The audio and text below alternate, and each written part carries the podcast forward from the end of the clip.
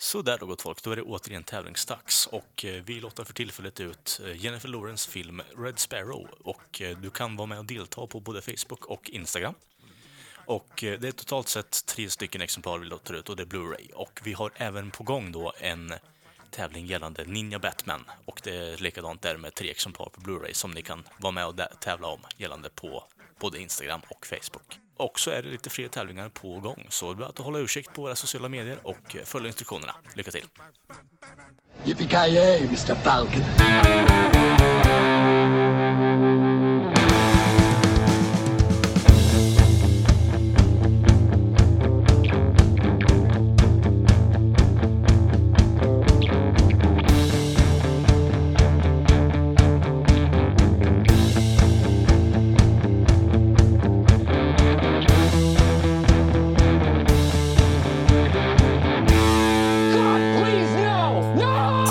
Jajamensan gott folk, hjärtligt välkomna till Creative Meltdown Podcast. Ni har med mig, Kalle, live från Nordkorea. Joakim Granström, live från Sverige. Och Kent, live från Bolivia. Ja.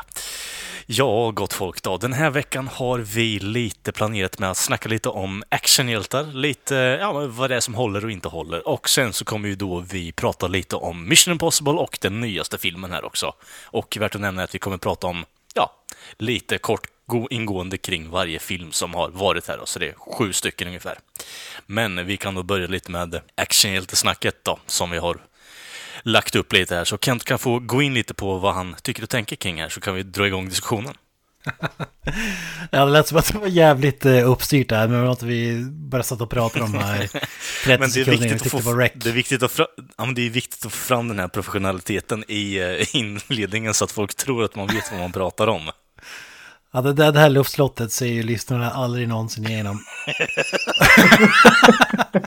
De kommer ju aldrig, kommer aldrig misstänka att, att det är liksom dåligt förberett heller när vi liksom bara, eh, får se nu.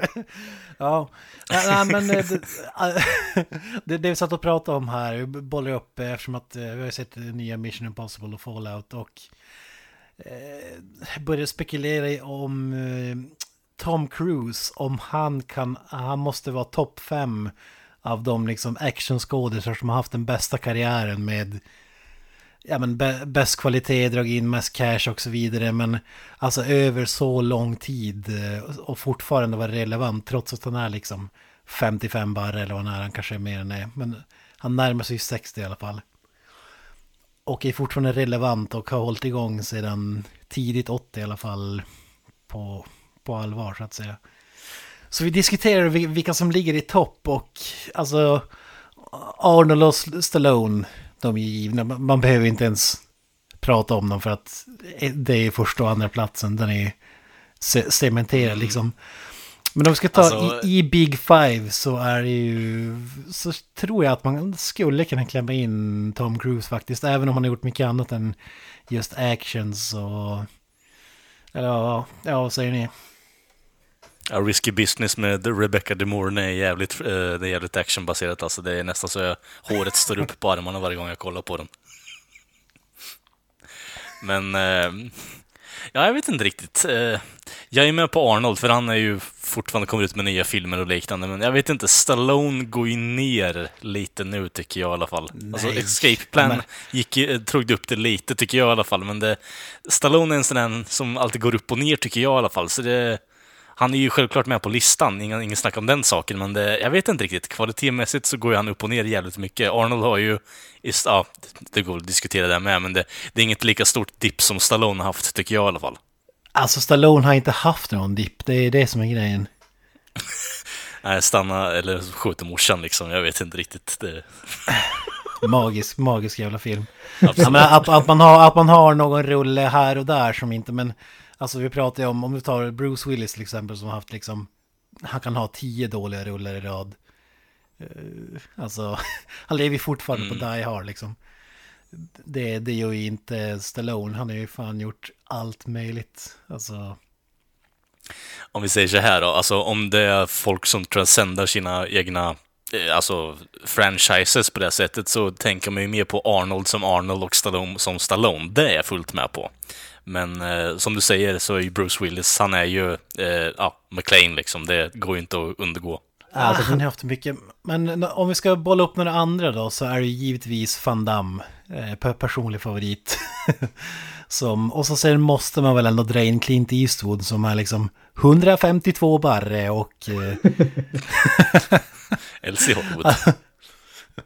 ja, men han, han har ju över sjukt lång tid alltså så var ju han ändå relevant. Sen har det dalat här på slutet men han är ju så sjukt gammal. Han är ju liksom... Han är väl runt 90 barre, alltså... Mm. Ja, När han var liksom inte... 70 var han ju fortfarande jävligt relevant.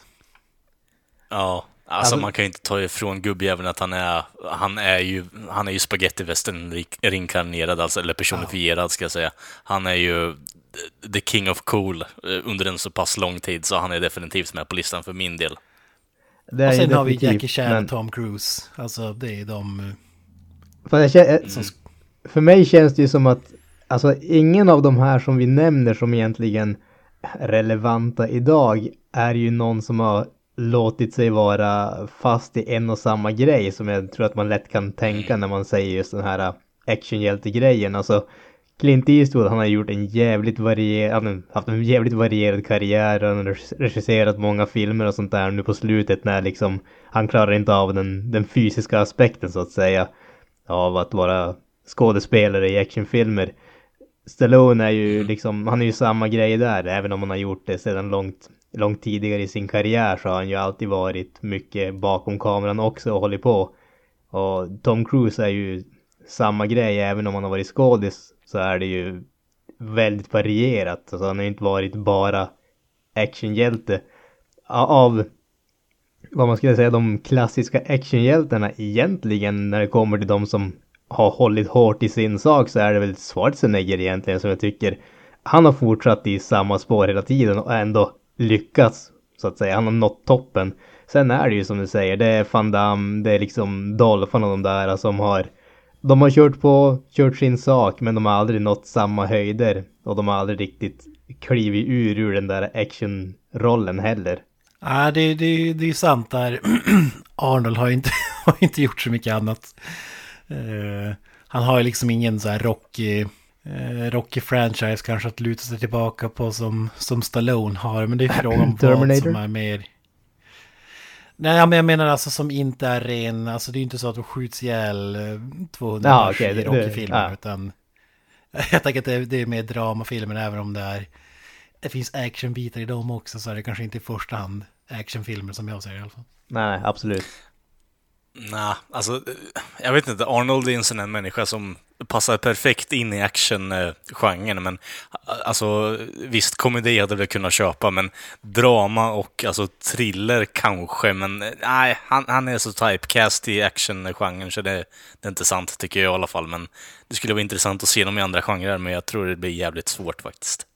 Hur mycket tror ni att just det här att de har klivit ut och gjort andra grejer, skrivit filmer, regisserat filmer, hur mycket tror ni det har att göra med deras relevans nu då som actionhjältar?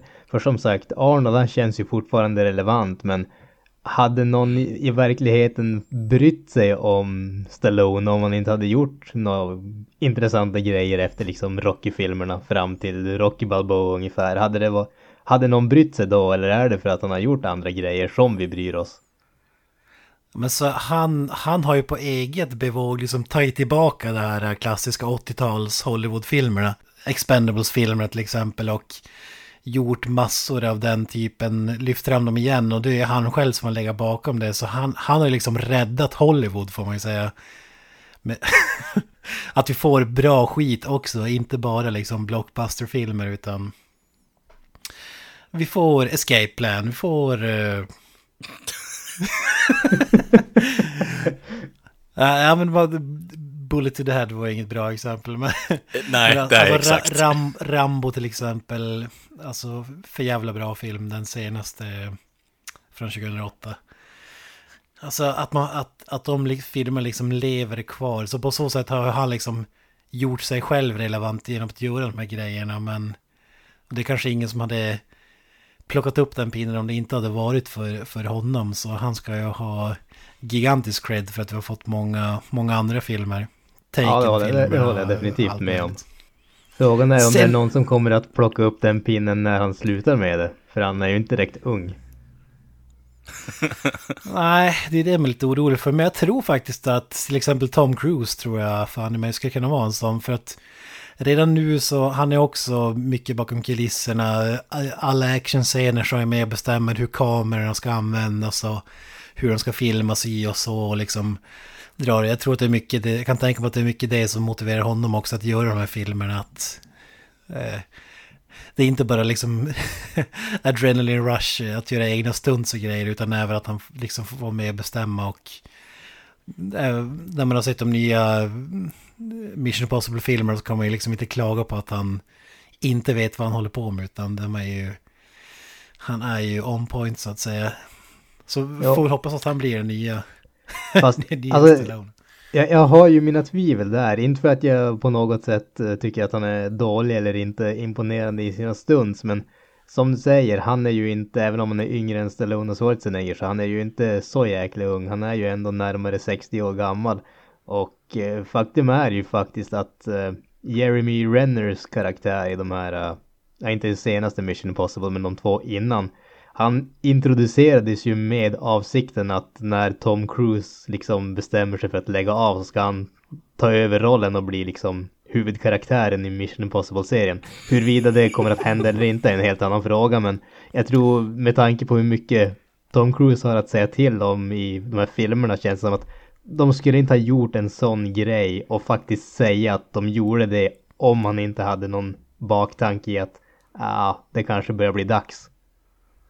Ja, men vi säger, jag- ställer mig bakom kameran istället och så har vi Jeremy Renner. Men jag tror inte att det blir Jeremy Renner, jag tror ju att det blir ett annat, eh, ett svenskt, eh, svenskt inslag som tar över den rollen utan att eh, säga mer än så kanske. Kanske fattar vem jag tror kommer ta över rollen, men ja. Ja, det är som du säger, men just det här, alltså det görs givetvis den här typen av filmer, men med mycket lägre budget. Men just för att få den här typen av filmer i Hollywood så, så får man väl ändå se, krävs det liksom något större namn, typ Stallone och så vidare. För att få, få cashen och till att göra det liksom. Nej, men eh, tillbaks till diskussionen då. Så ska vi cementera en topp fem innan vi slår igen butiken? Eller ska vi, vad säger ni? Arnold Stallone, Ja. Arnold är väl etta får man väl säga ändå. Ja, han är väl Stallone- den mest ikoniska på den här så kallade listan. Ja, Stallone, god tvåa. Men vem har, alltså... Van Damme hade ju magiska kanske 20 år som var... Alltså, le- dammade ut Kent- 10 av 10 revenge movies alltså. På, lep, på Ja. löpande band. Men jag vet inte om jag...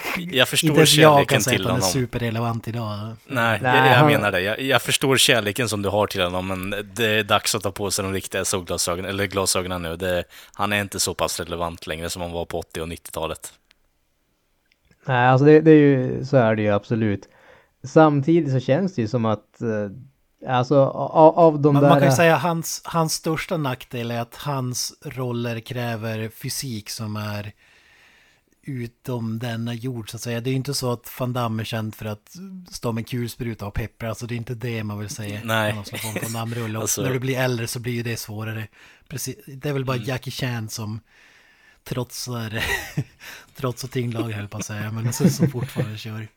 Ja, men då vill jag få in Jackie Chan på en stark tredjeplats där egentligen, om jag ska vara fullt ärlig. Ja, alltså det, det, jag kan absolut, jag kan fan köpa det. Alltså Ja- Jackie Chan på en god tredje plats. Han har gjort så jäkla mycket, alltså. Men jag, säger inte, jag säger inte emot, men är han relevant idag? Det är ju det som är frågan. Alltså, Alltså- han har ju... Ja men där är ju grejen också att han gör ju... Det var ju länge sedan han gjorde några Hollywoodfilmer. Det är därför han inte är relevant för oss. Men han har ju full fart i Hongkong och släpper liksom den kines för filmer för den kinesiska marknaden. Det gör han ju lika mycket nu som tidigare. Så att ja, ja, han kanske inte är lika relevant för oss i dagsläget. Men han är relevant globalt sett i alla fall. Karate Kid-rebooten och eh, The Foreigner liksom som drog in en miljon dollar. Nej men På tal om, vi måste väl sätta Jaden Smith som en god fyra då antar jag. Absolut. ja, oj oj oj. oj. Ja, att vi glömde honom alltså. Jag känner mig nästan så att han inte kom högre upp på listan men... Om, om can 10 mirrors år, om real? 20 år då sitter vi här och säger bara ja visst Arnold i all ära men han har ju bleknat nu är det ju Jaden Smith som har tagit över. Alltså om några år när vi ser att Arnold har bleknat så ligger han typ på ja, dödsbädden eller någonting. Nej för fan. Han kommer aldrig att dö. Nej, precis.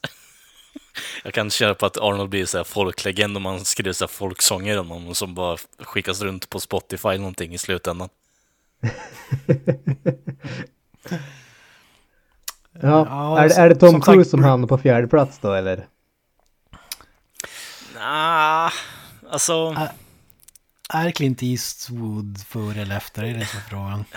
alltså, det, Alltså det det- är där som är, kruxet kommer in för min del i alla fall. Jag vet inte hur ni känner grabbar, men Clintan är ju... Alltså, vi, är, vi är ju efterblivna. Äh, I och för sig, det har inte gått så lång tid, men Dwayne The Rock Johnson måste ju Oj, oj, Oj, vad fan. Det- på där. fullaste allvar. eh,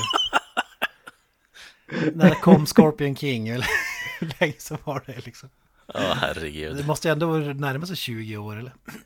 Ja, alltså vad kan, vad kan man ha kommit? Det var Scorpion King. Nej, för sig, han var ju med en liten bit i början av andra filmen. Det måste vara typ 2000, 2001 kanske. Ja, alltså det, det närmar sig fan 20 år för han. Ja, 2001 kom Mu- Mumien återkomsten. Det var väl där han var med första gången tror jag. Ja. Eh, ja, alltså... Fast är alltså, det jag tillräckligt för skulle att ta sig vilja in på topp 5? Alltså kvalitetsmässigt Nej. så är det det, men tidsmässigt vet jag inte. Alltså, om vi säger så här.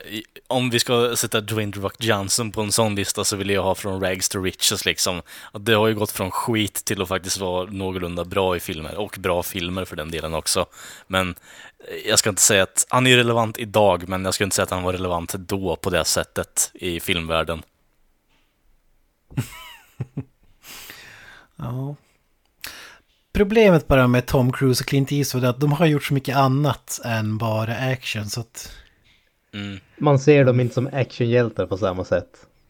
Ja, Nej, men alltså om vi, om vi får välja här nu då. Eh, Harry Callahan mot Ethan Hunt. Alltså, jag är ju med Harry Callahan liksom. Det är ju en gammal grinig gubbjävel med en stor magnumpistol. Alltså, det blir inte mycket coolare tycker jag i alla fall. Alltså, coola stunts som jag själv. All credit Tom Cruise alltså, men det, jag tycker Harry Callahan är en mer ikonisk eh, karaktär faktiskt.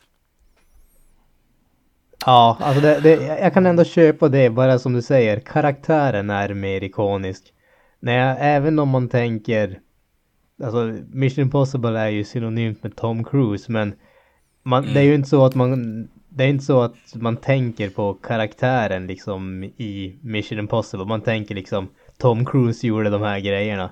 När det kommer till Dirty Ja. Harry, då tänker man ju liksom, man, man tänker grejerna som eh, som karaktären gjorde, så att man kommer ihåg karaktären på ett annat sätt. Man tänker inte att det är Clint Eastwood gjorde de här grejerna, utan det var Dirty Harry som gjorde det. Så att på så sätt kan jag köpa det faktiskt. jag menar Maverick i Top Gun, alltså. Det är nästan mer ikonisk än Ethan Hunt, skulle jag nästan vilja påstå. Ja, det, det, ja. Alltså den karaktären hade ju ett extremt genomslag oavsett vad man tycker om den filmen. Men Ja, Ja, nej, men jag, jag köper Clint Eastwood.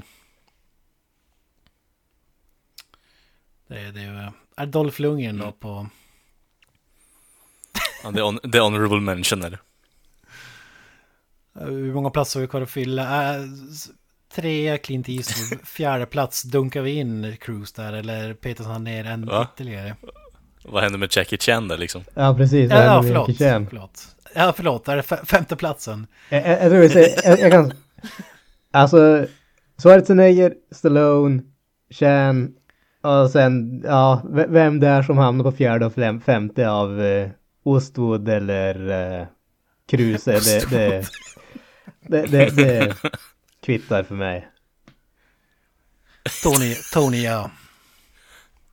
Om man hade gjort mer än en bra film så kanske. Ja, men Jason Statham, är han en kandidat eller? Nej, det är han inte. Han är underhållande men samtidigt så kan jag inte säga att jag är så förtjust i hans filmer heller.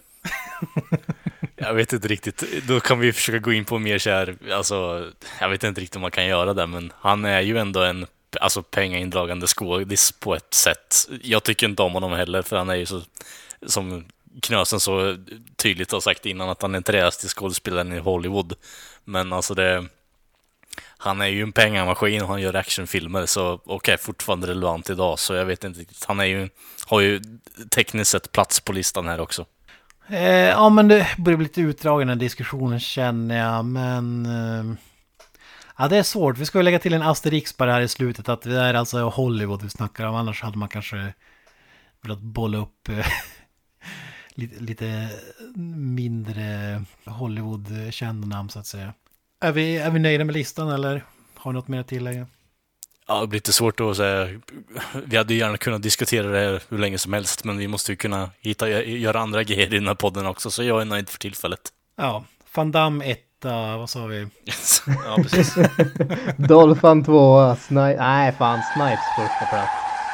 Du ska...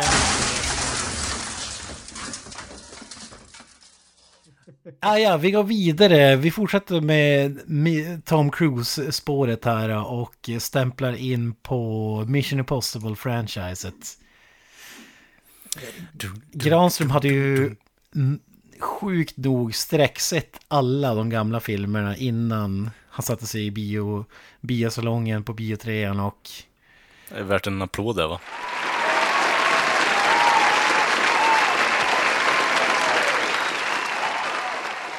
Ja, det, det är faktiskt Tystnaden talar där.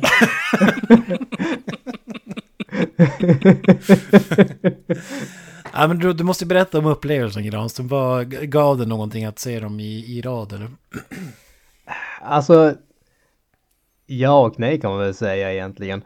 Det är ju för det första ska man ju nämna att det var ju jäkligt länge sedan jag hade sett någon av de här filmerna överhuvudtaget. Och eh, speciellt den första filmen som jag inte hade sett sedan jag hade den på VHS way back when. Så att eh, det, det var ett bra tag sedan jag såg den. Men nu när, när den, den sjätte filmen skulle släppas tänkte jag att varför inte? Så jag införskaffade ju de fem tidigare filmerna på Blu-ray och eh, skred till verket så att säga. Och om man bortser från eh, den andra filmen så måste jag säga att de håller ändå en imponerande hög kvalitet genomgående tycker jag faktiskt alla filmerna. Det är som sagt, bortsett från andra filmen så är det ingen som är dålig utan jag skulle aldrig säga att alla är över bra alltså. Det, det är liksom det är underhållande från början till slut. Det är sällan det blir långdraget och sådär utan det är liksom det, det är full fart. De, de hittar hem och de vet vad de är. Sen givetvis, det finns alltid saker man kan klaga på hit och dit och sånt men alltså på det stora hela tycker jag att de har en, en imponerande bra eh, lägsta nivå får man ändå säga. Jag vet inte, vad tycker ni? Hur länge sedan var det ni såg de här filmerna bortsett från då den senaste? Alltså, den näst senaste som jag såg var ju typ, typ två år sedan. The Ghost Protocol, vad den heter. Rogue Nation var den senaste. Rogue, ja, Rogue Nation, okej, okay, förlåt mig. Då eh, får jag be om ursäkt för det. Men hur som helst, det, det var ett tag sedan, om vi säger så. Men eh, det kan nog bli och eh, titta över min gamla eh, Mission Impossible-boxer som jag har tre filmer i. Eh, så det var ett tag sedan jag höll mig uppdaterad på fysisk media i alla fall. Men jag har de tre första i alla fall. Ja, det var ju sjukt länge sedan jag såg de gamla filmerna. alltså, vi snackar tidigt 2000-tal sedan jag såg ett, ettan och tvåan i alla fall. Trean kom ju lite senare.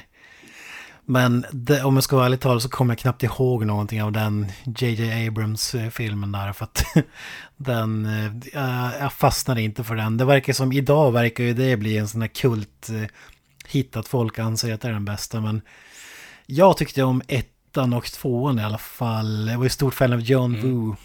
Eh, och det var hans... Eh, en av hans första Hollywoodfilmer om jag minns rätt. Ja, det var åtminstone en, en tidig en av dem. Det var väl den och eh, Van Damme-filmen här. Eh. Men, ah, nej, den, den kom senare. Det var, det var Paycheck var den första i Hollywood, just det, med Ben Affleck där. Oh, Jesus fucking Christ, den filmen. Magisk film. Men eh, absolut, jag tyckte alltså, fan de andra... Men, däremot den här uh, Rogue Nation har jag, såg ju i fjol och jag såg den faktiskt så, vecka, um, några dagar innan vi såg Fallout på bio just för att jag hade hört att det var den första filmen som var liksom en direkt uppföljare till till den nya filmen och så bara för att refresh my memory och den är ju riktigt jävla bra tycker jag. Mm. Den är riktigt bra. Christopher McQuarrie, McQuarrie, hur man uttalar det. McQuarrie skulle jag säga. McQuarrie. McQuarrie. Något åt det hållet. Ja. Han kommer nog inte att ringa in och bli sur på oss i alla fall. Nej. var väl inte lika stort fan av Ghost Protocol som jag var av den, men den tyckte jag var riktigt jäkla bra. Eh, så jag har, jag har ju någon sån nostalgi-feelings för tvåan just, du vet. Metallica, I Disappear, man ser Kirk ja. Hammett springa runt i öknen och ducka för ett flygplan i videon. Eh, Limp Bizkit. MTV skapade rap metal-bandet där och som faktiskt eh, Mission Impossible Theme-sången, även om man kan säga att den blev slaktad så just instrumentalbiten är ju faktiskt är rätt cool ändå, måste jag säga. Man har lyssnat på den låten jävligt många gånger. Ja. ja, det var ju verkligen MTV-eran. Alltså det var ju så man liksom blev pumpad för att se Mission Possible 2. Det var ju mycket på grund av den. Den spelades ju fan på typ Riks FM ungefär känns det som. Ja men det var ju alltså det. Mm. Man, man, man tänker inte på det nu för att de har liksom i stort sett försvunnit men Limp Bizkit var ju sjukt stora. Alltså det, det var ju liksom det, det var ju verkligen ja. Sver Sverigetoppen jag på att säga men liksom Alltså de vanliga topplistorna, det var ju typ där de var och höll på. Det var ju helt bisarrt ja. när man kollar tillbaka. Ja, men hur som helst, eh, Limp Bizkit och eh, Fred Durst är cancer, så um, jag är glad att de har försvunnit på. Så... ja, jag, jag instämmer, jag instämmer. Ja, men det var men ju, om, man, om man säger det, det Mission Impossible-filmerna egentligen är kända för, det är ju ingen som kommer ihåg handlingen av filmerna, utan det är ju actionscener och stanser och så vidare. Alltså, och där jag, måste man ju säga att än idag har ju tvåan några av de häftigaste.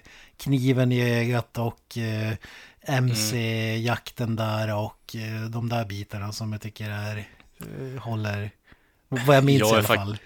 Ja, jag är faktiskt med på Kent där, för jag tycker eh, tvåan är nog fan eh, bäst av dem jag har sett faktiskt. Strandscenen är fan imponerande ja. tycker jag faktiskt fortfarande, så... Alltså, jag, som sagt, jag, jag har plöjt igenom alla filmerna nu och jag tror att grejen som du säger att ingen kommer ihåg handlingen, jag tror att det stämmer egentligen inte. Alla kommer ihåg handlingen, grejen är bara att det är samma handling i alla filmerna. De är på ett uppdrag, shit goes wrong, och sen måste de lösa problemet. Det, det är liksom... Det, det är Tom samma handling i sex upp med vissa variationer. Tom Cruise ska hissas upp och ner och så är det något virus som ska eh, bort liksom. Det är väl i princip det. Ja, mer, mer eller mindre. Det är inte alltid ett virus, men det, det är ju no, någonting sånt. No, någon sån där typ McGuffin-aktig ungefär.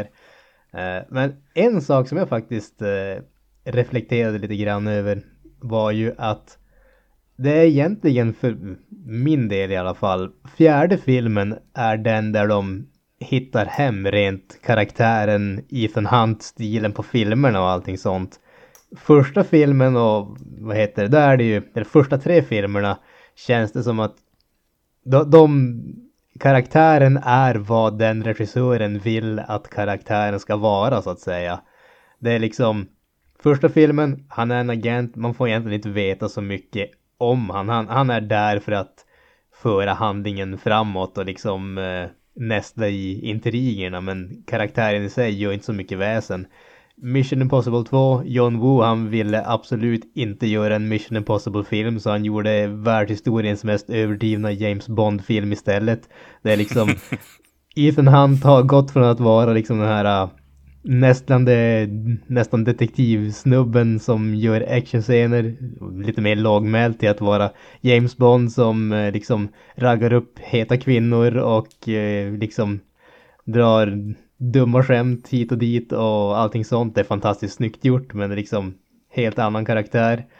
Och Mission Impossible 3 så är det liksom JJ Abrams försöker få honom att bli någon sorts vanlig man som bara råkar vara en spion också och liksom ha ett eget vanligt liv och äh. det, det är liksom, det, det om man säger fjärde, femte och sjätte filmen, det är åtminstone karaktären konsekvent om man säger så. Det, det är som samma karaktär. De tre första filmerna, det skulle kunna vara helt olika karaktärer. Jag hade inte blivit förvånad om de hade haft en ny skådis i varje film. Det, det är liksom... det hade funkat lika bra. ja men det är det som är intressant att de har, de har ju verk, det, är inte som typ Marvel eh, Universe är att alla filmer ska ha exakt samma ton och grej utan alla regissörer har gjort en helt annan grej med filmer. Det är det som har varit intressant också tycker jag. Alltså jag, jag tycker ja och nej jag tycker det är jävligt kul att de har haft olika regissörer som har fått göra sin egen grej så att säga. Det, det som jag stör mig på det är ju just att de, de har inte varit någorlunda konsekventa när det kommer till karaktären som sagt. Och det, det gör ju att de känns så extremt frånkopplade från varandra filmerna tycker jag. Vilket i och för sig, det behöver inte vara en, en negativ sak men samtidigt gör det att det, det flyter inte riktigt från en film till nästa på ett riktigt bra sätt tycker jag. Ja, men om man säger de, de första tre filmerna var väl lite, lite samma stuk. Men sen blev det väl, precis som det blev med James Bond-rebooten där med Daniel Craig så blev väl Ghost Protocol och framåt blev väl lite så här, äh, vad ska man säga, det blev lite annat stuk då så att säga. Lite mer allvar eller? Ja, men det skulle jag säga. Det, det, är som sagt, alltså de hittar stilen, de hittar karaktären och de hittar tonen för filmerna och det, det känns ju. Jag, jag, skulle nästan gå så långt som att säga att uh, de tre senaste Mission Impossible-filmerna kan man egentligen se som en trilogi faktiskt. För liksom det här syndikatet som är storskurken i femte filmen introduceras i slutet av Ghost Protocol.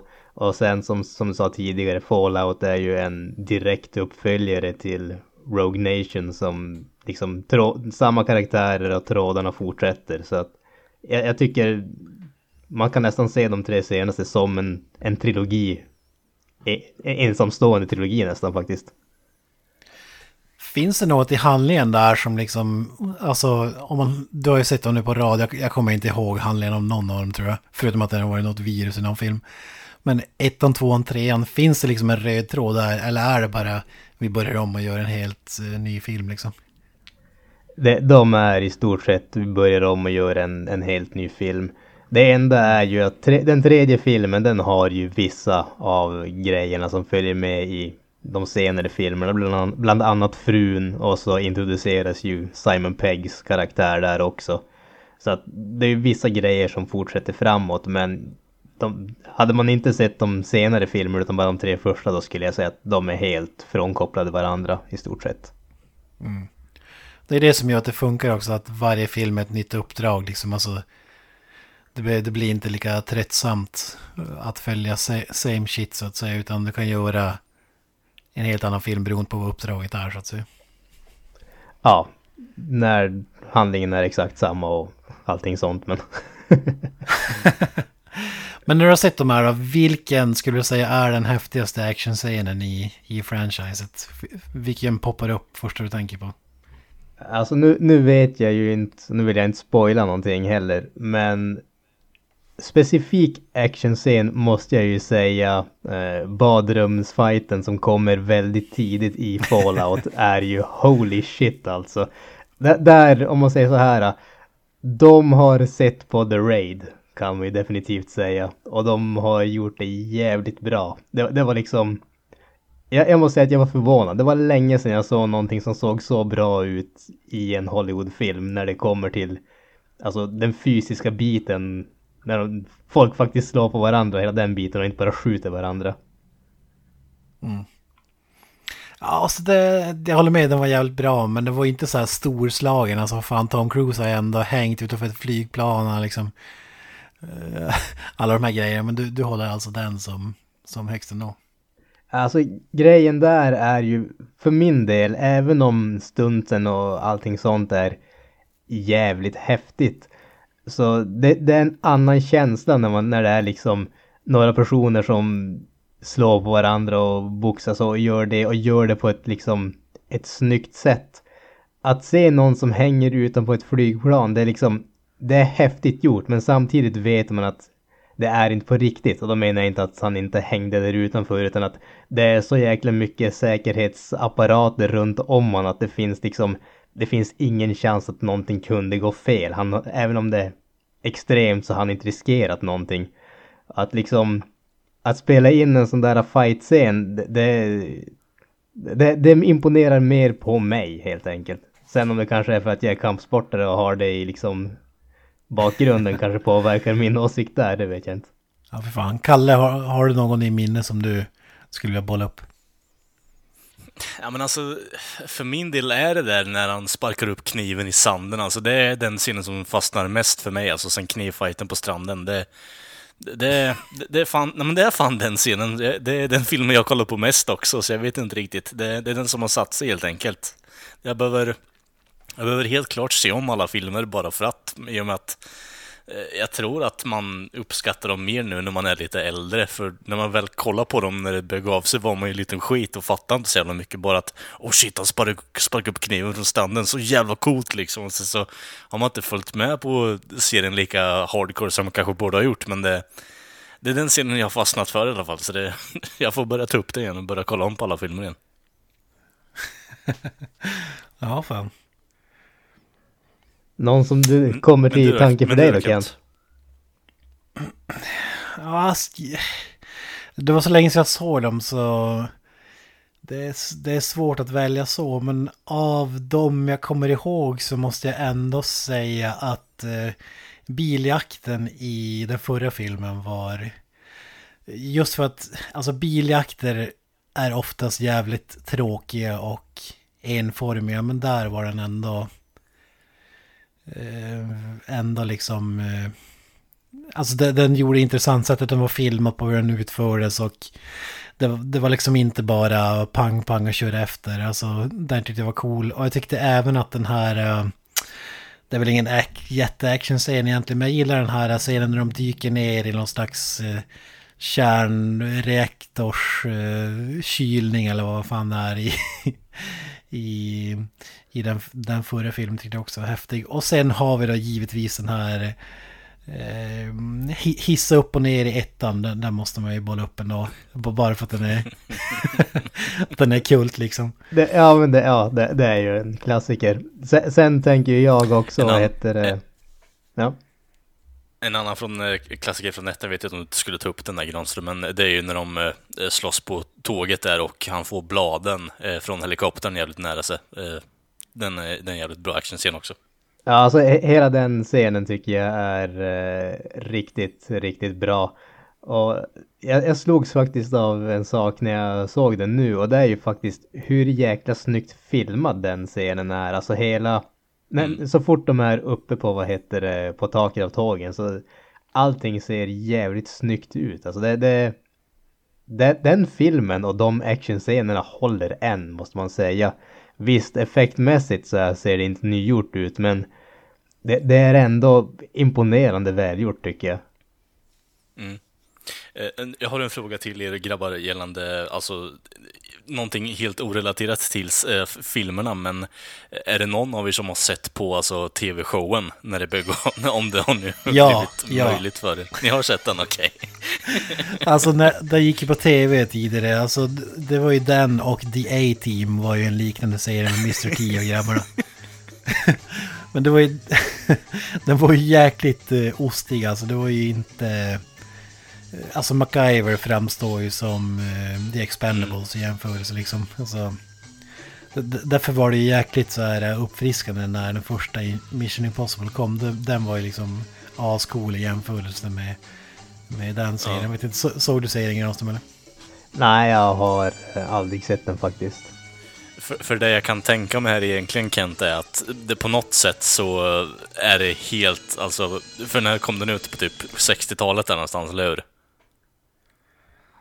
Ja, 60-70-talet ska jag tippa. Ja, eh, det jag kan tänka mig att det var ganska så actionfyllt då kanske, kan man säga det? Jag har inte sett den så.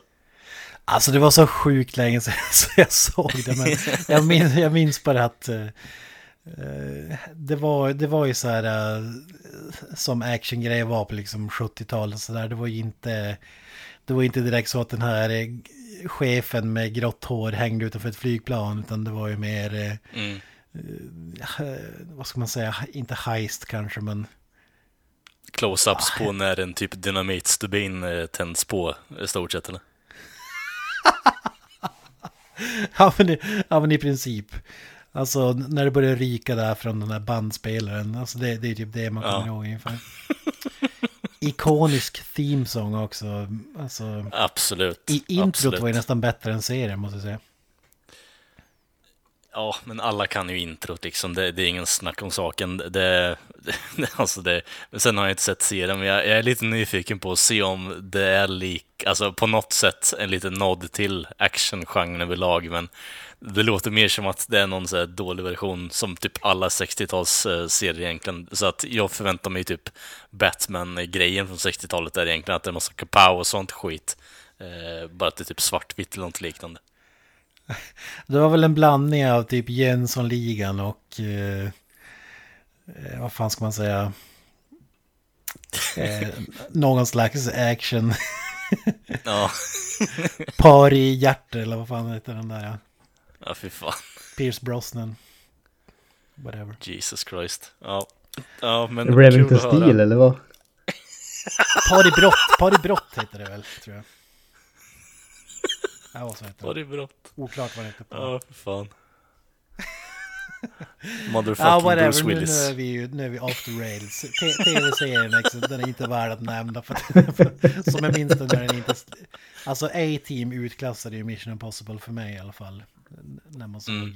gamla repriser på TV för 20-25 år sedan kanske. Ja, ja, men fan nöjt. Ja, eh, hade du något mer att tillägga på filmerna där Grönström, eller vart var vi? Men... Ja, men eh, bara vad, vad du tar med dig liksom efter att ha sett dem i... Det var ingenting särskilt du tänkte på i övrigt eller? Alltså... Nej, egentligen inte. Alltså, jag, jag... Det är riktigt bra, välgjorda, underhållande actionfilmer. Det, det är på den nivån som, som filmerna har satt sig för, för mig. Jag tycker att den första filmen är riktigt jäkla bra. Alltså det, den... Det, det, för mig är den tveklöst den bästa filmen. Men, Men- Vi, vi kan göra så här innan du, om, utan att avslöja vad du tyckte om den senaste filmen. Mm. Om du rankar de fem första filmerna, vilken ordning skulle du sätta dem då? Ettan först eller? Eh, ettan är tveklöst först. Sen skulle jag nog säga fyran, femman, trean, tvåan faktiskt. Fy fan, du håller fyran högre än femman alltså. Eh, det gör jag. Alltså, jag tyckte att den fy, fjärde filmen tycker jag den funkar bättre för mig lite grann. Det, jag, vet, jag kan inte riktigt förklara det, men det är någonting med den som gör att den klickar mer. Den klickar på ett bättre sätt för mig. Femte är inte på något som helst sätt en, en dålig film eller så. Men den kändes lite för ofokuserad tyckte jag. Den, den känns inte riktigt... Den lägger inte lika mycket vikt vid intrigen känns det som. Den, den låter action ta överhanden och den fjärde filmen är lite grann tvärtom. Det, det är det är mer intrig och lite, lite mindre action och det är kanske den viktfördelningen som jag föredrar. Men eh, jag kan absolut förstå de som skulle sätta dem tvärtom så att säga. Fy fan. Eh, Jag skulle nog sätta ettan, femman, tvåan, fyran, trean. Tror jag. Väldigt annorlunda lista. Ja, men du har inte sett filmer på 20 år. Nej, men tidigt 2000 så kanske ska det se annorlunda ut om man har sett dem. Men i, eh, om jag bara ska ta på, på feeling så att säga så hade du nog satt dem i den ordningen. Ja, jag har svårt att sätta betyg på dem i och med att jag, jag har jävligt svårt att komma ihåg eh, allting efter typ trean faktiskt. Så. ja, men ärligt talat, alltså det, eh, jag vill inte vara sån. Det, de är jätteunderhållande att kolla på, de, det jag kommer ihåg av den. Alltså, men det, de senaste filmerna, det, jag, jag, jag kopplar inte ihop dem alltså. Det, det är för länge sedan jag såg dem. En glädjande sak som jag faktiskt upptäckte när jag såg igenom filmerna var att jag hade faktiskt inte sett den femte filmen tidigare. Fy fan. Jag, jag, jag trodde att jag hade gjort det. Jag trodde att det var där han klättrade i, uh, utanpå Burj Khalifa. Men det var tydligen den fjärde filmen. Så att jag hade en hel film som jag inte hade sett. Så det, var, det var ju trevligt. Fy fan. Money's worth liksom. Ja, ja. precis. Alltså de är oerhört forgettable, det måste man ändå säga. Förutom just actiondelarna. Jag, jag står fast vid det. Ja, alltså det, det är ju de flyter ihop eh, med den andra franchise tycker jag. ja, sätt. men det är för att de, de, har ju samma handling allihopa. Alltså det, det är ju sådär att de gör någonting, uppdraget går fel på något sätt och så måste Ethan Hunt och hans team liksom rädda dagen. Det, det är ju det, det, är så det är och det är samma i alla filmerna. Sen så byter de ut lite detaljer och tweakar det lite grann men det, det är ju väldigt mycket samma. Om du drömskådespelare, om vi säger att eh, Tom Cruise går i pension, vem hade du velat smälla in som hans eh, ersättare? Är det Dolph Lundgren eller? Nej. Dolph Lundgren vet jag inte. Alltså, en som jag gärna skulle, som jag faktiskt skulle kunna tänka mig se, även om jag tror att han är lite för ung än, men det är ju John Boyega faktiskt. Han är ju extremt charmig men jag skulle gärna se han tackla en roll som är lite mörkare också som inte spelar kanske lika mycket på just skärmen men det känns som att jag, tror att han skulle kan han få till det där mörkret lite grann då tror jag att han skulle vara en utmärkt ersättare för Tom Cruise faktiskt. Jag, jag har ju en, eh, min, givna kan, min givna kandidat är ju Carl Urban. Eh, kan både mörker och har humor och karisma. Det, det är fan min, min candidate alltså. Idris Elba är ju också, men han, han börjar vara så gammal och han lär väl spela James Bond innan It's all said and done. Så mm. alltså, jag sätter nog Carl Urban som bollar upp honom. Alltså Carl Urban är ett bra val men jag känner lite grann samma sak där. Han känns lite för gammal för mig. Alltså Carl Urban är för gammal, John Boyega känns lite för ung men ja. Bra, bra val ändå. Man gillar ju de äldre. alltså om Jeremy Renner skulle ta över den rollen då kommer jag aldrig mer se en Mission Impossible-film tror jag. Alltså Jesus Christ. Det... Var det någon av er som såg den där filmen med honom eller? Vad för något? Alltså, nej, han gjorde ju för fan eh, My Bad. Jag fick klippa ihop den med eh, Bourne-filmerna. Det var ju ja. han gjorde. ja, tyvärr. Och den var ju jä- för jävlig faktiskt. Så mm. och honom kan jag definitivt inte se. Jag tror inte det finns någon mer karaktärslös skådis i Hollywood för tillfället faktiskt. Som jag kan komma på. Se, vad säger du då, Kalles? Är det Sam Jackson eller? Ja, det är, en, det är fan Sam Jackson alltså. CGI Ghost Sam Jackson är det som kommer in här. Det, det skulle slå ja, Ethan Hunt ur vattnet alltså. Det, jag tror det är det som behövs för att få liv i den här franchisen återigen och göra den världsvan återigen. Jag, jag vet inte riktigt vad jag pratar om nu mer, men Sam Jackson blir det skitsamma.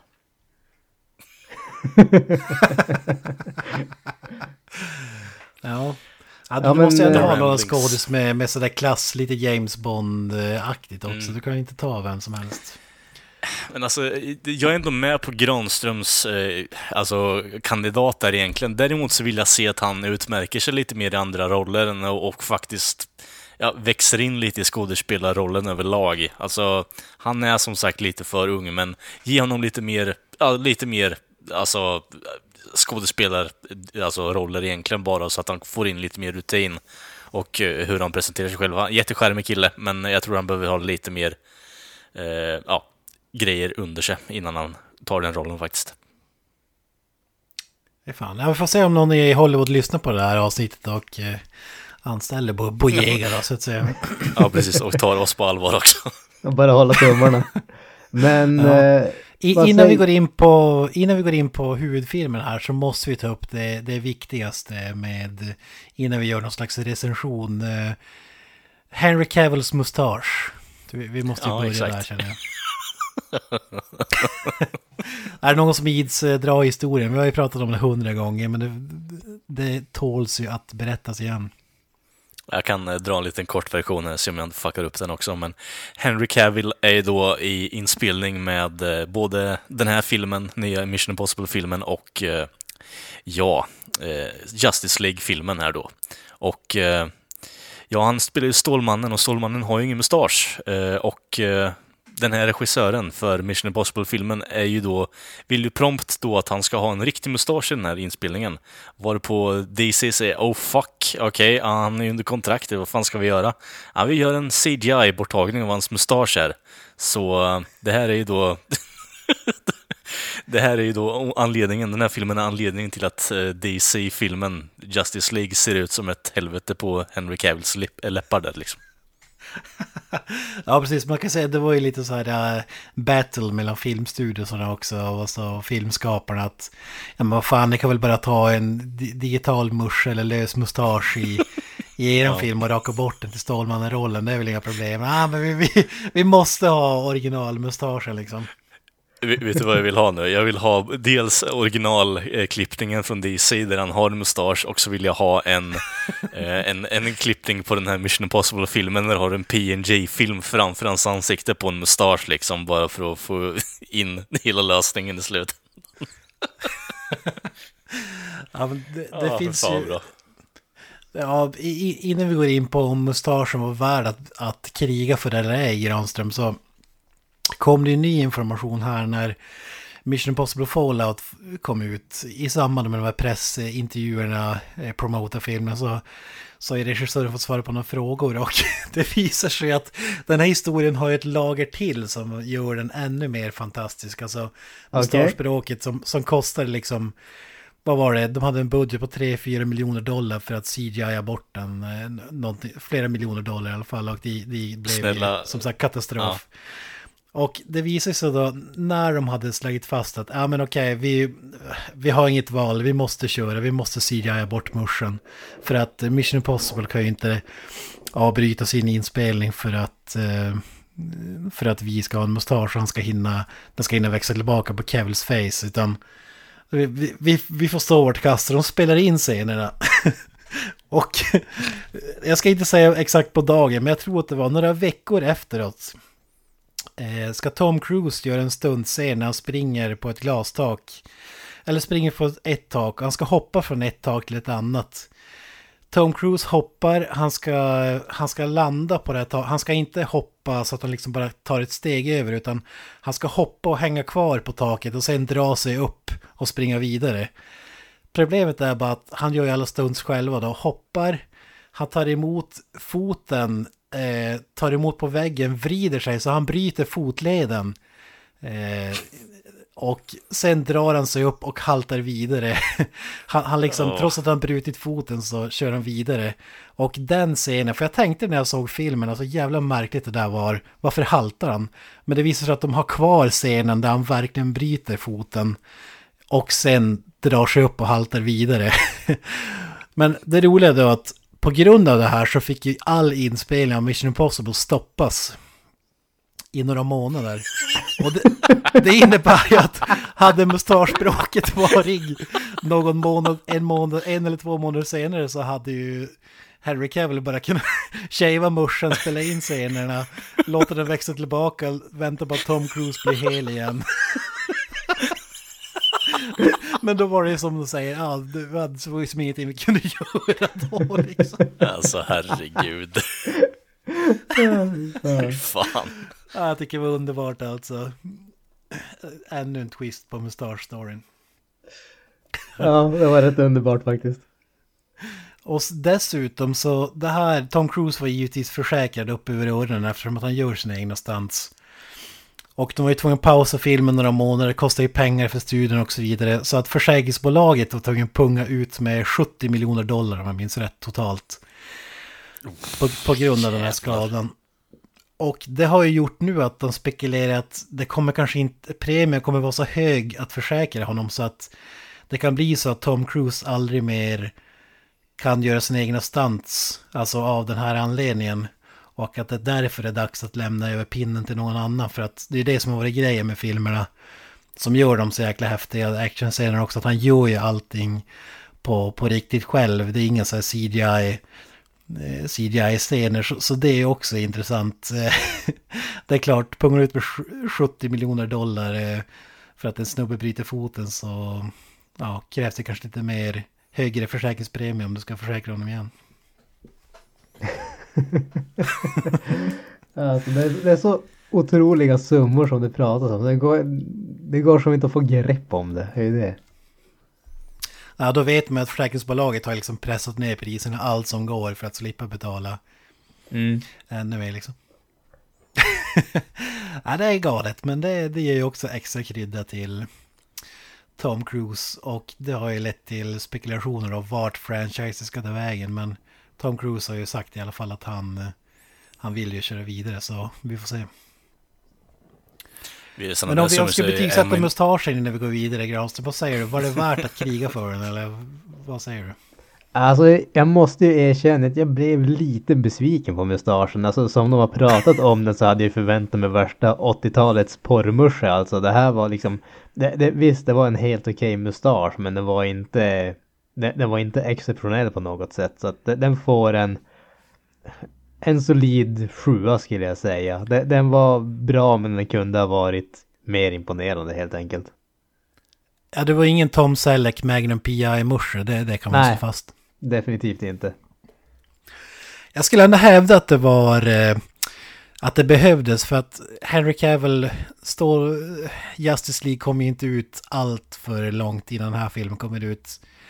Han är så förknippad med Stålmannen och det kändes ändå som att Muschen var ju inte en distraction som det var i mordet på Rent Expressen här, Kenneth Branagh, utan den gjorde att han smälte in lite mer eh, man tänkte inte lika mycket på att det var Henry, just Henry Cavill tycker jag. Så på så sätt tycker jag ändå att den var befogad. Men som du säger, den var ju inte ståtlig för fem år utan det var ju bara en, en svennebananmusche liksom.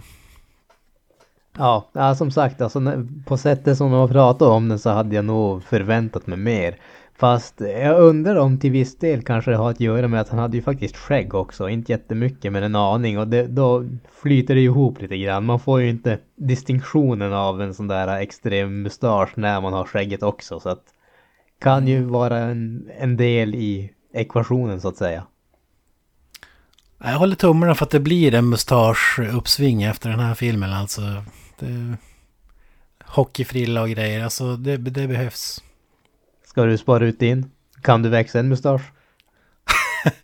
uh, ja, det kan jag, men det skulle se för jävligt ut så. Men vi, vi, vi, får se, kanske, kanske ett experiment, börsexperiment. vi ser fram emot det. Mitt betyg på mustaschen är 6 av 10, men uh, jag ser det ändå som befogat att jag förstår varför de ville köra med den så att säga. Ja, det, det, får man ju ändå säga. Sen har han ju alltså... Han... Han är ju så... Alltså man ser ju Stålmannen överallt höll jag på att säga. Men alltså han är ju så... Utseendet hans är ju så förknippat så att... Bara för att han inte ska... Det inte ska kännas som att det är Stålmannen som är med i Mission Impossible så... Jag, jag förstår ändå varför de var propsade på att han inte fick raka av den helt enkelt.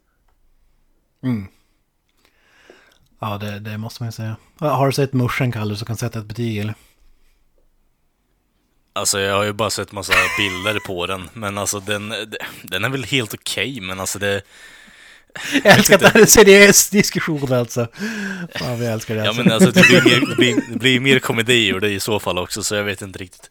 Men... Eh, Alltså i slutändan så, det är en okej okay musche, men alltså det är ingen så här, det är inte 10 av 10 direkt och det är inte nog för att betala miljontals dollar för att alltså, retuschera den i Photoshop liksom.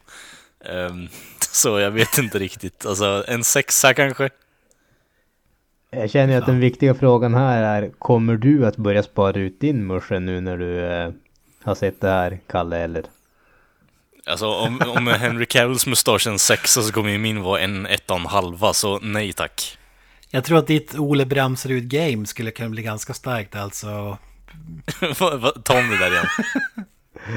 jag, tror, jag tror att ditt Ole Bramserud-game skulle bli ganska starkt om du sparar ut en musche alltså. problemet är att det funkar inte riktigt när den flintar, det är det. Nej, ja, just det, han hade men, ändå äh... lite backup hår så att säga. Men å andra, Men å andra sidan så, det blir ju Master Strides i slutändan liksom, så det, det, är väl, det är väl ett plus i kanten eller? ja. ja. men eh, Henry Cavill, jag tycker att det är hans bästa roll sedan Hellraiser Hellworld faktiskt. Eh, som han gjort. Kvalitetsfilm.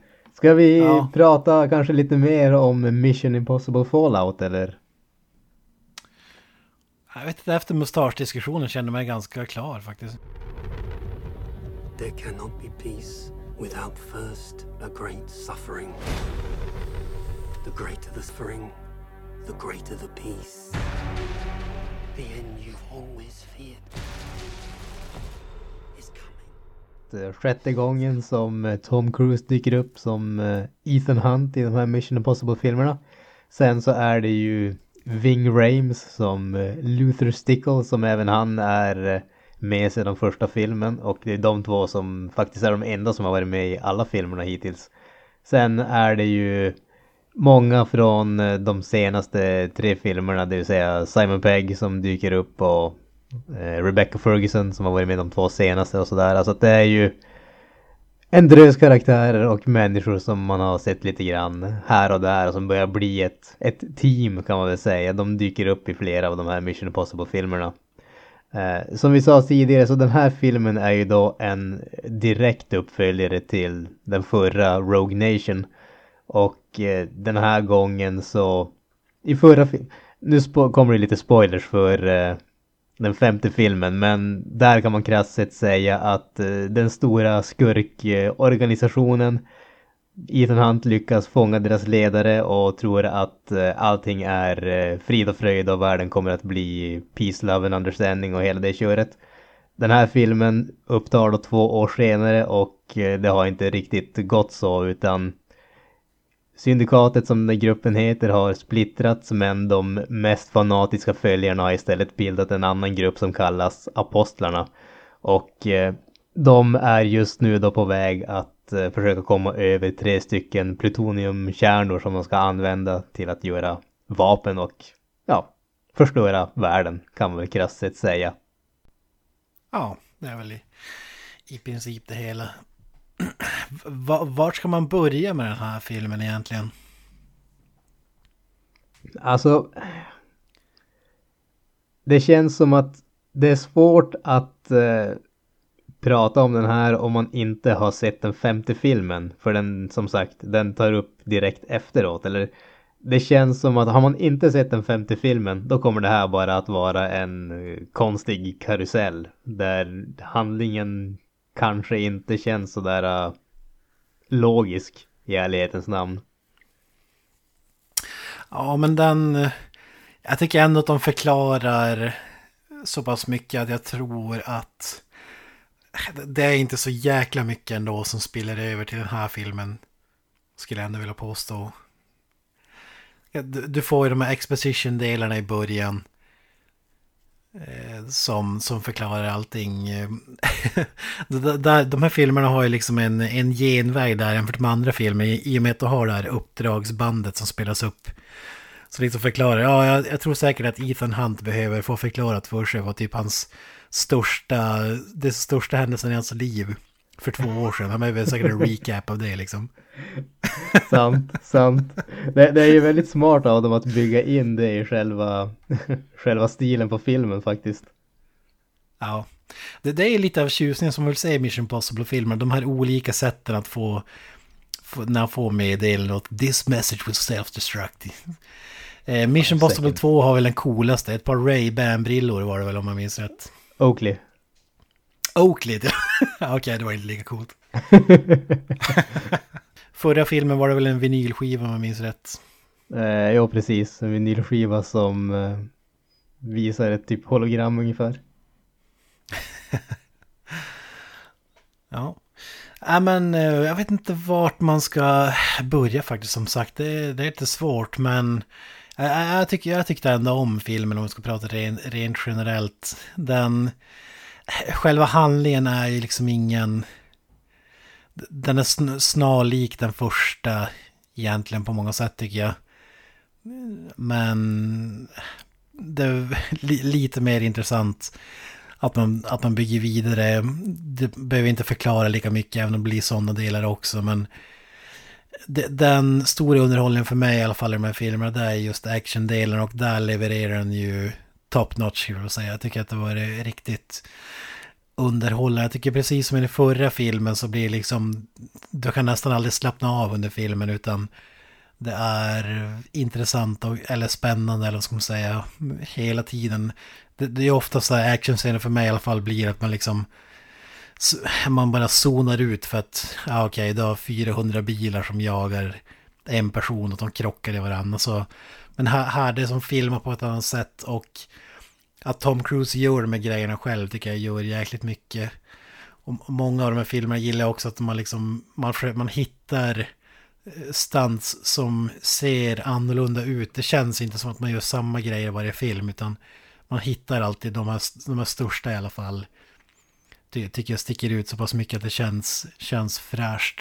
Men, mm. vad, vad, vad säger du rent generellt?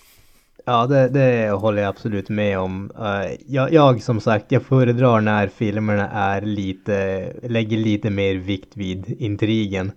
Eh, och eh, de här två senaste har väl kanske lagt lite mer fokus på actionhållet. Men det som gör de här filmerna så extremt underhållande tycker jag när det kommer till just actionscenerna är ju det här att det är ändå riktiga människor, det är liksom stuntpersoner som gör allt det här. Och det, det gör ändå att det blir en annan känsla. Alltså när det kommer till vi har ju pratat mycket om serietidningsfilmerna och där känns det nästan som att man, man ser inte ens på en uh, spelfilm längre. Man ser på en extremt dyr tecknad film. Det är ingenting som känns verkligt eller realistiskt på något som helst sätt. Här känns, alltså man får ju en annan känsla för det när det, när det är realistiskt på det här sättet.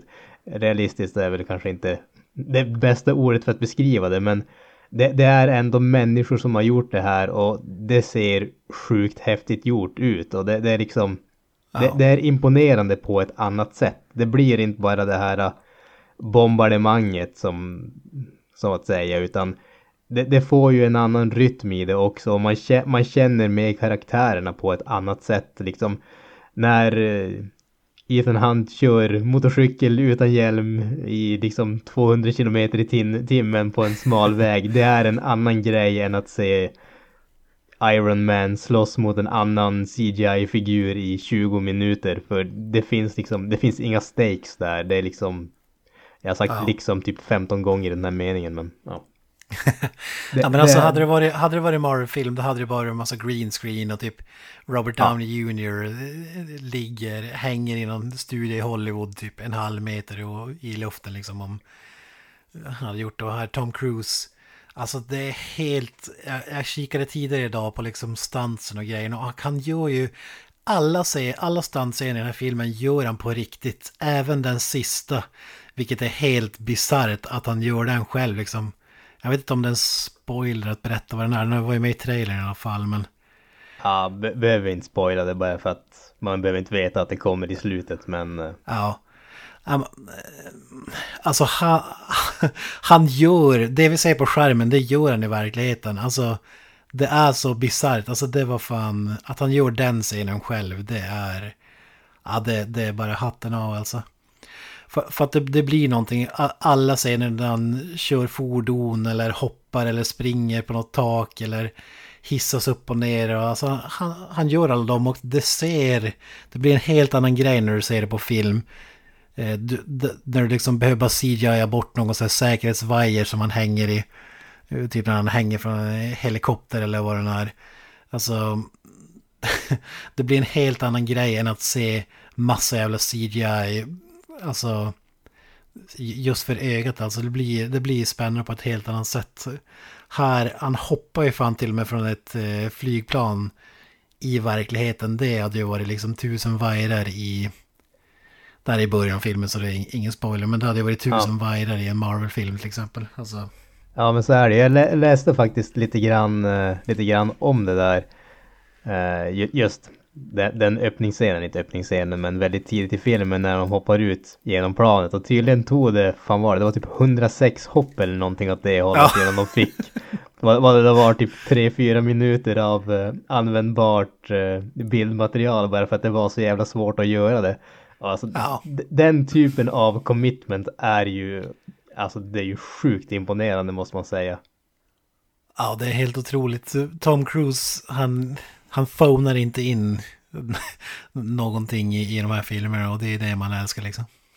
Nej men så är det ju, det kan man väl allmänt säga om han också, även om inte alla filmerna som han är med i är eh, direkt höjdare, Mumien. Eh, så han är ju sällan den svaga länken. Där ska man också säga att Mumien-filmen, men scenen där, det är ju en flygkraschscen. Eh, I eh, eh, tyngdlöshet. Alltså, det var också på riktigt liksom. Eh, de spelade in scenen i Zero Gravity och liksom åkte med ett plan för att simulera en krasch då liksom. Alltså, det, det är ju så bisarrt eh, det kan bli liksom. Att man verkligen gör det, det är fan hatten av alltså. Om vi kanske ska gå bort från stuntsbiten då, som vi har pratat jävligt mycket om överhuvudtaget. Alltså vad tycker vi om resten av filmen? Vad har vi att säga där egentligen? Det, det känns ju, lite grann för mig känns det ju som att alla skådespelarna, alla karaktärerna har som, de har hittat hem. Det, det, är ju ingenting som jag tycker är direkt överraskande när det kommer till karaktärerna och sådär. Men samtidigt är det ingen som är det är ingen som är dålig heller utan alla vet vad de håller på med och det, det är underhållande och det är välspelat men jag blir inte heller imponerad över den biten utan det är ju just actionscenerna som är imponeringsfaktorn känns det lite grann som. Ja, det är som du säger, det är filmens svaghet. Det är liksom handlingar och sånt där. Och jag skulle påstå att handlingen är inte ens sekundär i, i den här filmen utan den är ännu längre bak för att det handlar bara om att sätta upp uh, nya actionscener och sånt där. Men man, man gör det på så, så bra sätt att man, man, kan köpa att handlingarna är lite tunna och precis som i förra filmen så är det lite så här uh, twists and turns och men all, alla de turnerna såg man ju komma i den här filmen. Där tycker jag att den förra filmen var lite bättre på att liksom dölja, dölja de bitarna i alla fall. Jag vet inte vad du säger. Men... Uh, jo, men det, det håller jag faktiskt med om. Det kändes som att uh, man, man, såg det, vad som skulle komma ganska långt ifrån i den här filmen. Det behöver inte nödvändigtvis vara en, en dålig grej, men det kändes som att de telegraferade väldigt mycket. Mm. ja vad jag tyckte om, det fanns många bitar där liksom använde bildspråket för att berätta vad som hände istället för att i, i många filmer så är det typ eh, Ja, men du ger mig de här dokumenten, det betyder att du mördade eh, Freddie Prince Jr. i förra söndagen. Ja, det gör det. Alltså, det är inte så här hjärndött som det var. Så var det i Mumien till exempel, man berättar typ Du sprängde just en bomb. Ja, jag sprängde just en bomb. Men det betyder att folk dör. Ja, folk dör. Alltså, den var ju mycket smartare än så. Tyvärr så tror jag att man har säkert i efterhand tänkt att alltså de grejerna var ju så tydliga. Man behövde inte säga någonting utan man visade bara och sen förstod man vad, vad grejen var. Men när det har gått typ 20 minuter så måste, känner man då tungt att de måste förklara det. Men de förklarar i alla fall inte just när det händer så att man får lite av den, eh, man kan hänga med ändå. Och det, det tyckte jag var, var positivt med den här filmen. Även om det i slutändan då blev förklarat, tyvärr. Men lite bättre än, än övriga sådana här stora blockbusterfilmer tycker jag. Mm. Jag tror i och med att de har lagt, som man säger, intrigen lite grann i bakkant så kanske det gör att de, de behöver inte förklara lika mycket där heller. För de vet att det är, där, det är inte därför publiken kommer helt enkelt. Nej, alltså man går inte dit för att se liksom en spionstory.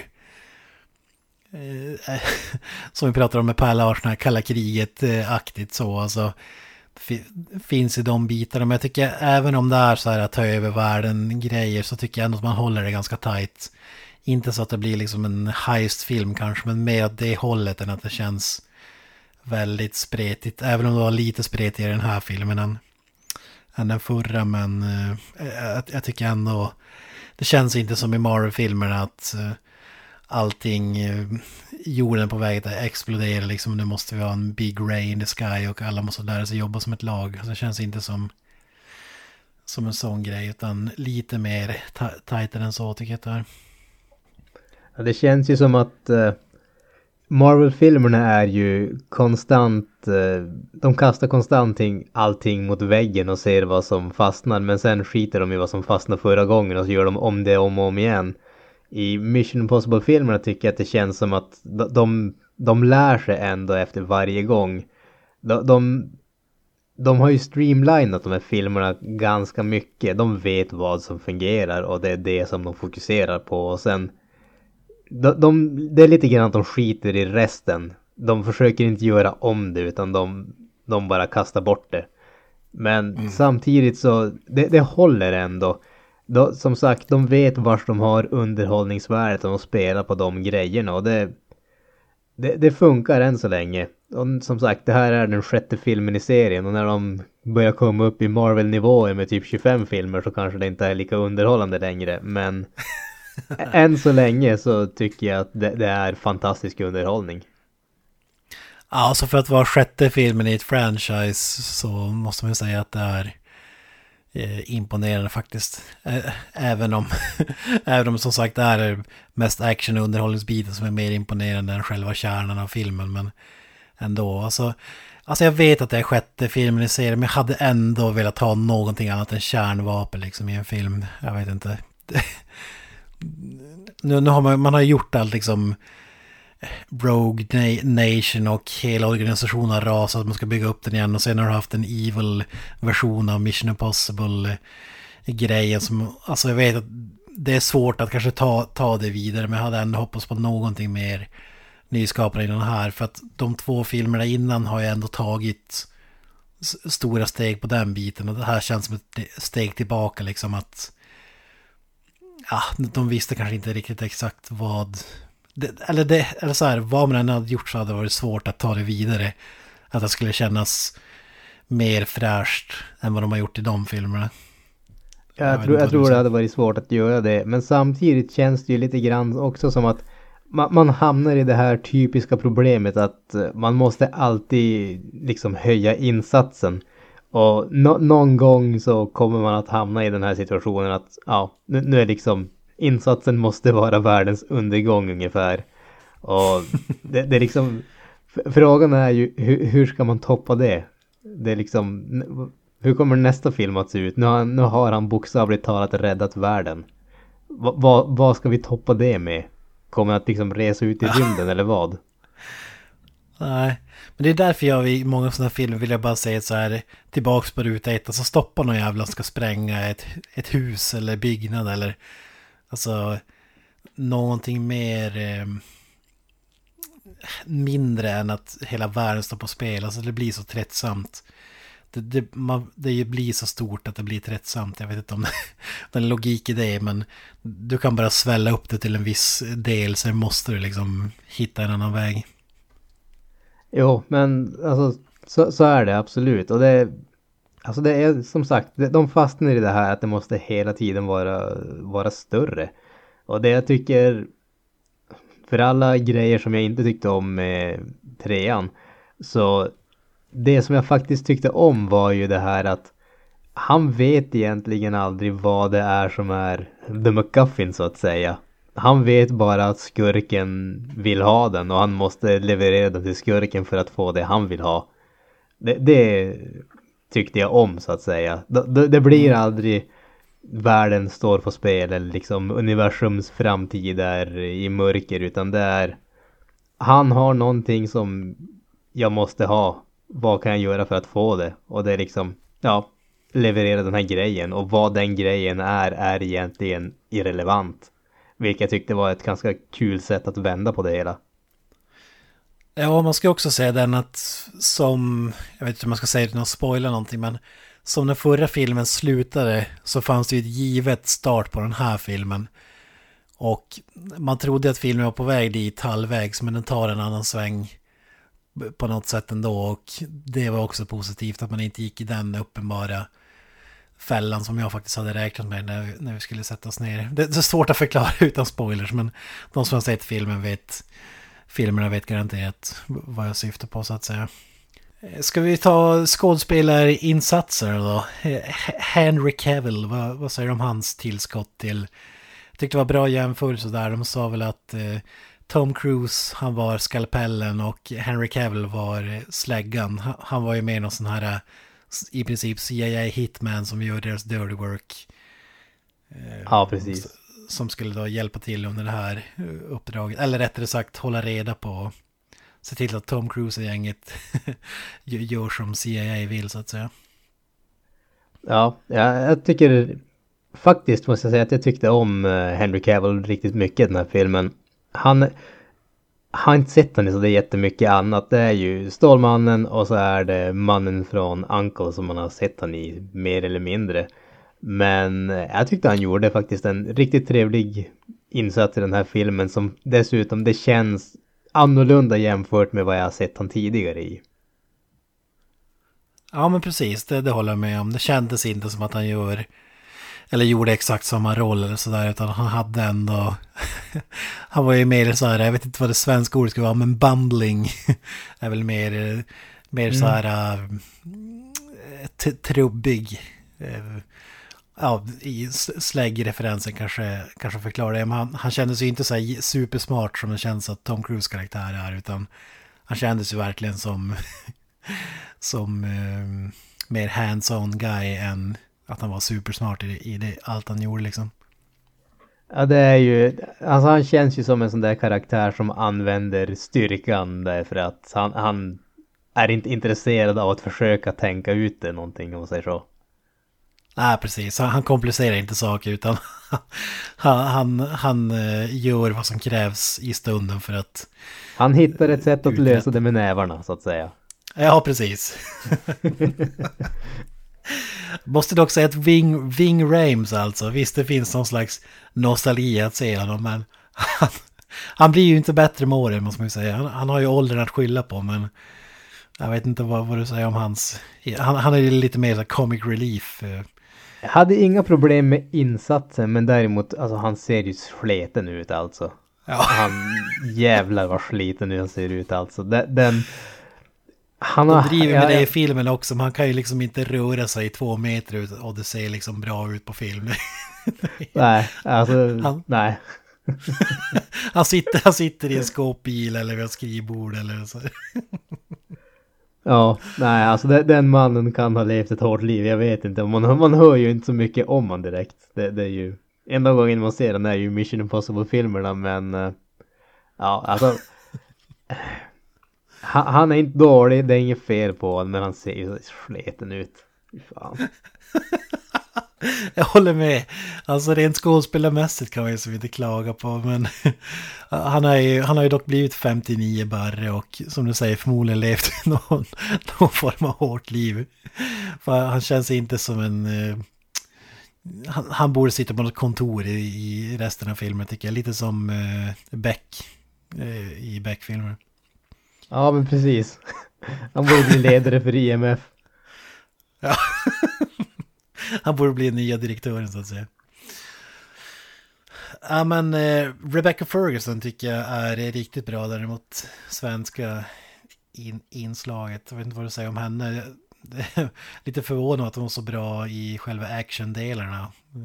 Mm. Hon är ju bra, jättebra skådespelare också måste man säga. Ja, jag tyckte faktiskt att uh, hon var riktigt bra. Jag tyckte jämfört med uh, de andra karaktären så tycker jag att hon är väl den som sticker ut mest. Det känns ju som att eh, de andra har som hitta, hitta hem så att säga. Alltså, I stort sett alla andra har ju varit med i flera filmer och hon känns ändå nyare i och med att hon bara varit med i den förra filmen och den här. Så att, eh, äh, jag tyckte hon gjorde en, en riktigt, riktigt bra eh, insats. Jag skulle gärna se mer av den karaktären i, i framtida filmer, definitivt. Hon har ju den mest komplexa rollen också kan man säga. De andra mm. rollerna är ganska straightforward men hennes är ju ändå krävs, kräver lite mer än, än övriga skulle jag vilja säga.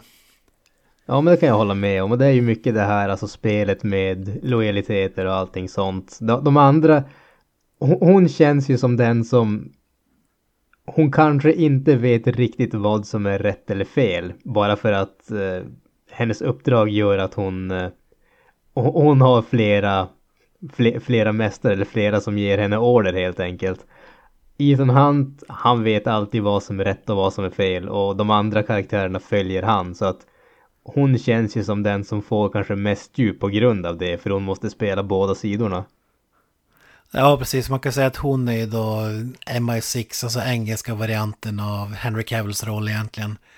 Där de liksom, ja men mördar den här personen och Henry Cavill bara, han går in och mördar den personen men hon har liksom någon slags sam samvete att kanske inte, när hon själv tycker att orden är fel så att säga så är det inte alltid att hon eh, gör som det är tänkt. Och det är väl det som är, gör henne mer intressant än Tom Cruise vill alltid rädda sina polare.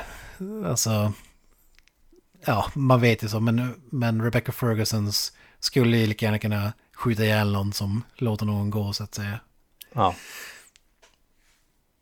Eh, besvikelse var ju... Äh, även i den förra filmen, men Alec Baldwin alltså. Jag vet inte hur de tänkte med den castingen. Alltså... Han är fan den jag stod mig mest på i de här filmerna alltså. Jag tycker om han som skådis men det känns som att han har väldigt lite pondus i de här filmerna faktiskt. Det, det håller jag med om. Och han känns ju ändå som den som skulle... Alltså han, han ska vara den där äh, traditionsenliga jag har alltid rätt och jag bestämmer snubben. Men han känns väldigt nervattnad tycker jag. Det, det ja, jag, jag det, det alltså, jag, jag, tycker inte ens att rent skådespelarmässigt att han är särskilt bra i de här filmerna måste jag säga. Det känns som att han inte eller, riktigt eh, vill vara där nästan. Jag skulle väl inte gå så långt men jag skulle definitivt säga att uh, han han, ger, han levererar inte sin han levererar inte på topp i alla fall. Definitivt inte, tyvärr. Nej, ah, man har sett honom betydligt bättre måste jag säga. Ja, nej men det är väl det. Simon Pegg finns så mycket att säga. Han är comic relief och han, han gör väl det han ska. Mm, tyckte han var mer... Vissa filmer kan han vara odräglig men i de här filmerna tycker jag ändå att han... Han klarar sig rätt bra måste jag säga. Ja, alltså det, han känns ju... Han känns ju som en sån skådis. Om man ska prata om actionhjältar som bara gör samma sak. Han är ju en komedisnubbe som bara gör samma sak i olika franchises. Det är liksom... Ja, det är en one trick pony, samma roll ja, i alla filmer. Precis. Sen jag tycker, jag tycker om honom ändå. Han är, han är ofta kul, jag tycker han har, det är någonting speciellt med honom som gör att han är ändå kul att se på. Men det, det är absolut, det, det, är samma grej han gör i olika filmer. Han, han passar mer bättre i de här filmerna, Hot Fuzz och World's End och alla de här Shaun of the Dead. Alltså, det, det är hans grej skulle jag säga. Alltså, det är inte så att jag stör mig på honom, men det, ja, jag vet inte. Det, det, är någonting som skär sig i när det kommer till Star Trek och Mission Impossible, den här typen av filmer. Nej, jag tycker, jag, jag tycker ändå om honom. Han, han, är, han är en one trick pony, men än så länge så sitter jag i sadeln. Man kan, små doser ska man ha honom. De filmerna han tar mycket plats blir ju sällan, då blir det gammalt. Men så är det här och där, då, då funkar det. Ja, ja, men har vi något mer att snacka om innan vi summerar den här filmen? Ja, jag tycker nog vi har dragit igenom ganska, ganska mycket och vi dessutom pratat ganska mycket om Mission Impossible i allmänhet. Så jag tycker nog ändå vi har täckt in det mesta faktiskt. Mm, mm, mm, mm, mm. mm. Men sammanfattningsvis då och betyg, vad, vad säger du då? Slutpläderingen? Jag skulle säga att det är en väldigt, väldigt välgjord actionrulle. Som sagt, den vet vad den gör bra och den skippar de andra bitarna. Den är definitivt värd att se på bio tycker jag. Det är ju alltså som sagt, stunten och actionscenerna är fantastiska. Det, det, finns ingen tvekan om den saken och det gör sig på en bioduk. Sen har man sett dem tidigare Mission Impossible-filmerna, de misstänker att man kommer att veta ungefär vad man, vad man får. Men i slutändan så det, det görs ändå så jäkla bra så att det, det är underhållande från början till slut.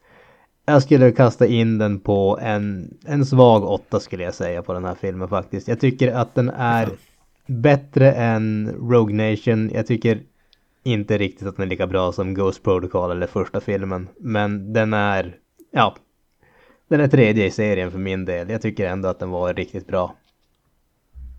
Mm. Eh, jag glömde ju nämna här att eh, om man säger sättet som den är filmad på. Jag tyckte man fick lite Christopher Nolan-känsla. Alltså inte på samma nivå men någon som försöker efterlikna Christopher Nolan. Är du med jag tänker då i, i många av de här actionscenerna actionscenerna framförallt. Var det något du tänkte på det? Det var ingenting jag reagerade på medan vi såg filmen i alla fall. Det var väldigt länge sedan jag såg någon Christopher Nolan-film också så att jag måste erkänna att jag, jag har det inte sådär klart i huvudet direkt. Ja men det är lite mer, man använder också sådana här bitar eh, som jag tyckte fungerar riktigt bra i Star Wars The Last Jedi där ljudet är, du har inget ljud. Eh, alltså du bara zonar bort allt ljud och så är det någonting som händer. Man hade ju så vid kanske tre tillfällen i den här filmen. Som jag tyckte det fun funkade riktigt bra. Som, som jag tycker gör att den ändå står ut. Alltså sådana detaljer som gör att den liksom står ut. Just när man använder kameran och tänker vi actionscener och framförallt använder musik och, och ljud och sånt där under actionscener som känns lite Nolan. Sen även hur kameran liksom när den följer med i actionscener också tycker jag också känns lite, lite Nolan-vibbar-aktigt av. Så alltså rent, rent visuellt actionbitarna då är det ju typ ja, nästan full pott skulle jag säga. Men eh, filmen i övrigt, handlingen och så vidare är inget speciellt. Man har sett det förut. Och den gör som inget nytt på den biten. Men jag tyckte ändå om den och rent underhållningsmässigt så är det absolut en film jag tycker man ska se på bio. Men jag skulle nog sätta 7,7 på den här filmen av 10 till slut. Mm, mm. Yes, Kalle, knyt ihop säcken. Ja, gott folk, då sitter vi bara och väntar på eh, Mission Impossible nummer sju, eh, eller The Love of Two Brains, eh, som den även kommer kallas. Med Rebecca De Mornay i huvudrollen ja, precis, exakt. Eh, callback till eh, Risky Business där. Men hur som helst, eh, ni har då lyssnat på denna veckas avsnitt av Create Melton Podcast. Ni hittar oss på sociala medier som Facebook, Twitter, Instagram och eh, YouTube. Vi har även en egen sida där vi lägger upp lite recensioner och eh, andra käcka grejer. Och den går då under createmelt.wordpress.com. Createmelt.wordpress.com som sagt. Och eh, ja, eh, vi hörs nästa vecka och eh, vi syns ute i etern. Har ni något sista ord där grabbar? Inte det. Bra, adjö så hörs det här, vi. Det här avslutningen är ditt uppdrag om du nu skulle välja att godta det så att säga. Mm, det här är mer än ett förstör som fem sekunder. Fy fan vad dåligt. ja, fruktansvärt dålig timing också för den delen. Jag vill bara säga up the irons. Ja. Inget Hail Satan. Hail Satan. Ja, ja. Slentrianmässigt så. Precis, måste dra ut skiten. ha det bra. That's it man. Game over man. It's game over.